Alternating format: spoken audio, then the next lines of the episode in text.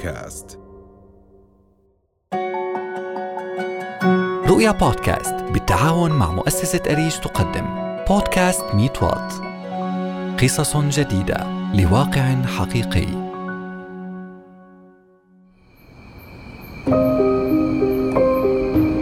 أكتر شيء كان يصيبني بالكآبة لقطات الشوارع الفاضية كأنه مدينة بحالها هيك المهجورة.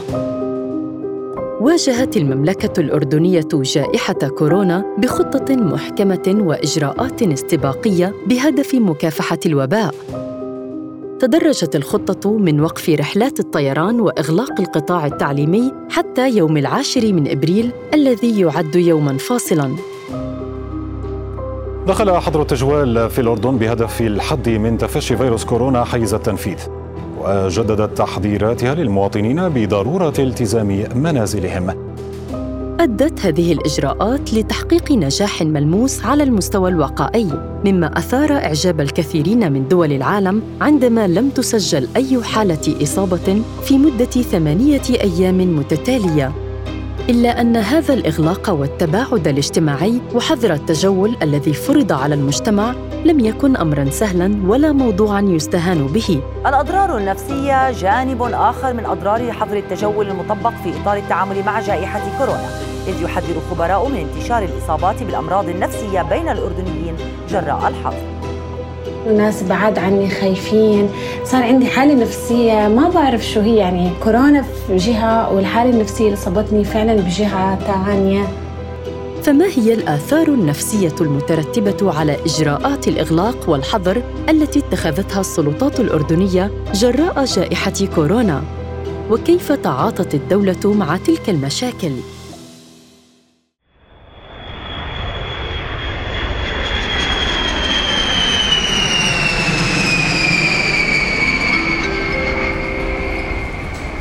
السادة المسافرين والزوار يرجى الانتباه. لضمان صحتكم وسلامتكم. يرجى الحفاظ.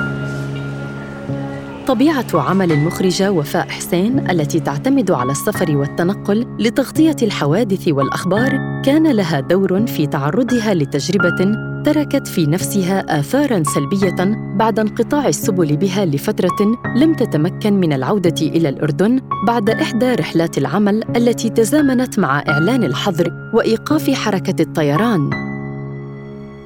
طبعا خلال فترة كورونا قعدت فترة طويلة المطار مسكر فجينا عن طريق المنصة. فالواحد مشتاق لأولاده وأهله. بدل ما يلاقيهم ويحضنهم و يكون جنبهم تخيل هاي أسبوعين الحجر كانت كتير كتير كتير صعبة. نفسيا لا أنت قادر تشوف أولادك ولا أولادك قادرين يشوفوك بعد غياب وبدك تطمن عليهم ويطمنوا عليك. تاني شي لما نقلونا من المطار للحجر يعني شعور كتير بخوف كان كتير في تجديدات. طالعين في الباص سيارات الأمن حوالينا. لا تصيبوا غراضكم لا تصيبوا هذا كله كله كتير.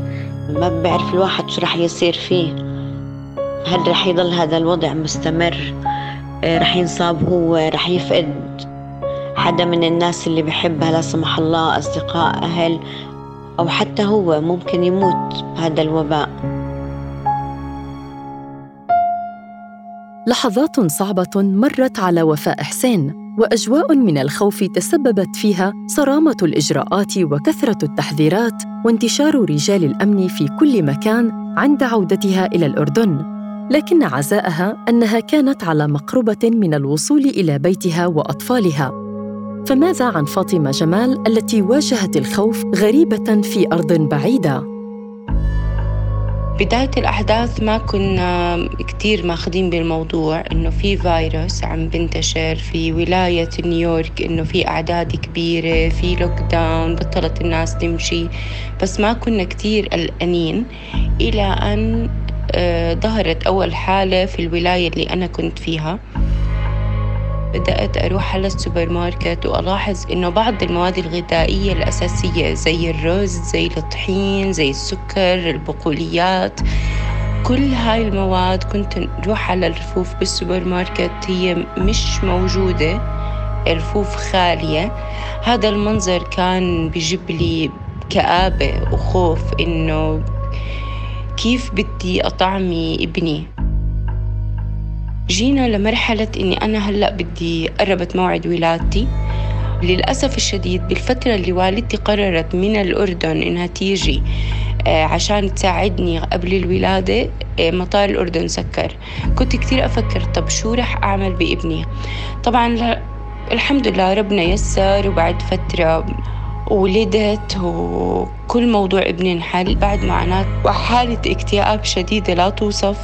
ربنا يسر ورجعنا على الأردن عشان نشوف أهالينا لأنه كان صلنا تقريبا سنتين إحنا مو شايفين أهالينا.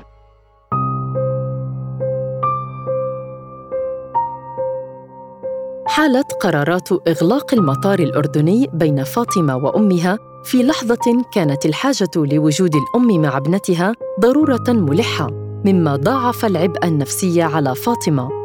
أما دينا حماد فعاشت تجربة مختلفة تتجاوز مجرد الخوف من الأجواء المصاحبة لدخول العالم في حالة من الثبات والسكون. فماذا كانت تجربتها؟ كانت إصابتي بفيروس كورونا ب 27 عشرة. طبعا من 27 عشرة لنهاية شهر 11 وأنا عم بفحص وبعطيني لسه بوزيتيف آه، كانت أعراض كورونا عندي كتير كانت قوية. بلشت أول إشي عندي بالكحة كحة الخفيفة. بعدين آه، ارتفاع في درجة الحرارة. طبعا وصلت درجة حرارتي أربعين. آه، اضطريت إنه ياخذوني الدفاع المدني لأنه الأكسجين عندي نزل. كان عندي صداع لا يوصف وجع عيون آه، وجع عظام. وجع عظام كان كتير قوي. صابتني حالة جد اكتئاب. بعدت عن الناس حسيت إنه أنا لسه هلأ لما أرجع كمان برضه رح يكونوا الناس بعاد عني خايفين. صار عندي حالة حالة نفسية ما بعرف شو هي يعني يعني دخلت في مرحلة جد بقول لهم كورونا في جهة والحالة النفسية اللي صابتني فعلا بجهة ثانية عاشت دينا تجربة قاسية مع كورونا. آلام شديدة تنتاب الجسم وأخرى أشد تنتاب النفس. حالة من الخوف تطورت إلى اكتئاب. فذهبنا إلى الدكتور محمد يوسف الطبيب النفسي ليفسر لنا ما هي العلاقة بين الجائحة ودخول البعض في دوامة الخوف وعدم الاستقرار النفسي وما هو مصير الشريحة التي لم تستطع التعاطي الإيجابي مع تداعيات الجائحة. مرض الكورونا مرض حديث صار عندنا شغلة الخوف. الخوف من المرض الخوف من فقدان العمل. الخوف من العزل الاجتماعي الخوف من, من التواجد في أماكن الحجر الصحي. في بعض أشخاص ممكن يتعاملوا مع الخوف في تعاطي المخدرات وشرب المشروبات الكحولية. إنه يتهرب من المرض أو بسبب الوقت الزائد اللي حصل عليه الشخص بسبب العزل اللي صار بالعالم من ورد مرض الكورونا. هاي العوامل قادتنا إلى مرض الاكتئاب. والشخص المصاب بالاكتئاب هو عرضة بنسبة كبيرة للدافع الانتحاري وزادت نسبة الانتحار في العالم بعد مرض الكورونا. 50% من آه، أعداد المنتحرين ممكن يكونوا لهم مصابين في مرض الاكتئاب.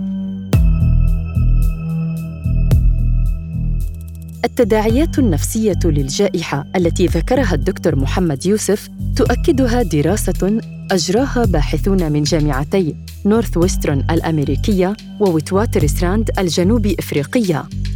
حيث ذكرت أن إجراءات الإغلاق والحجر الصحي والعزل تتسبب في زيادة الضغوط النفسية والاجتماعية على الأسر وخصت منها الضعيفة والفقيرة التي تعاني من ظروف سيئة مثل البطالة. وهو ما ينطبق في كثير من الحالات على المجتمع الأردني والآن يعيش العالم مرحلة جديدة من الجائحة وهي مرحلة التطعيم والفتح الكامل لكل القطاعات فكيف تأثرت حياة الناس في زمن الإغلاق التام؟ وكيف يرون المستقبل من زاوية نفسية؟ طرحنا هذا السؤال على بعض المواطنين صراحة يعني كان الوضع آه، بداية آه، شبه مقبول إنه إجازة وراحة. لكن فيما بعد وبشكل متسارع بلشنا نشعر بالضغط النفسي والخوف من النزلة الشارع حتى. أول شيء كنا مش فاهمانين الموضوع على الأقل بالنسبة لي ما كنت فهمان الموضوع منيح وكنت بس مبسوطة إنه ياي ما رح أداوم بالشغل وهيك أو إن بوفر وقت. بس بعد فترة الموضوع كتير تفاقم صار كتير سيء. فصحة نفسية بالسالب صراحة. هلا الوضع النفسي آه، بعد آه، كوفيد 19 أكيد الكل مر بظروف صعبة بسبب كثير أشياء بسبب الحظر بسبب خسارة اشغالنا كمان القعدة في البيت وشغل عن بعد بلش يعمل ضغوطات نفسية لأنك أنت محصور بمكان واحد. بس الحمد لله بحس ان هلا يعني الواحد لما صار يطلع ويشوف الشوارع مليانة ويشوف الناس بتروح وبتجي والكافيهات مفتوحة حتى لو هو مش ما بده يروح ويقعد في هالأماكن بس نفسيا بحس إنه أوكي الحياة رجعت والحمد لله.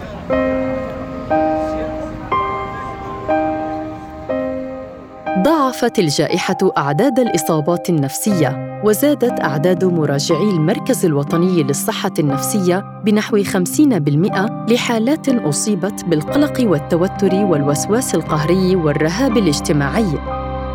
وفي ظل ذلك يدعو المختصون إلى ضرورة المرونة النفسية في التكيف مع الضغوطات المختلفة من خلال ممارسة الرياضة وكسر الروتين والبعد عن الوحدة مما يسهم في تعزيز الصلابة النفسية للأفراد حتى يتعافى العالم من الآثار النفسية للجائحة.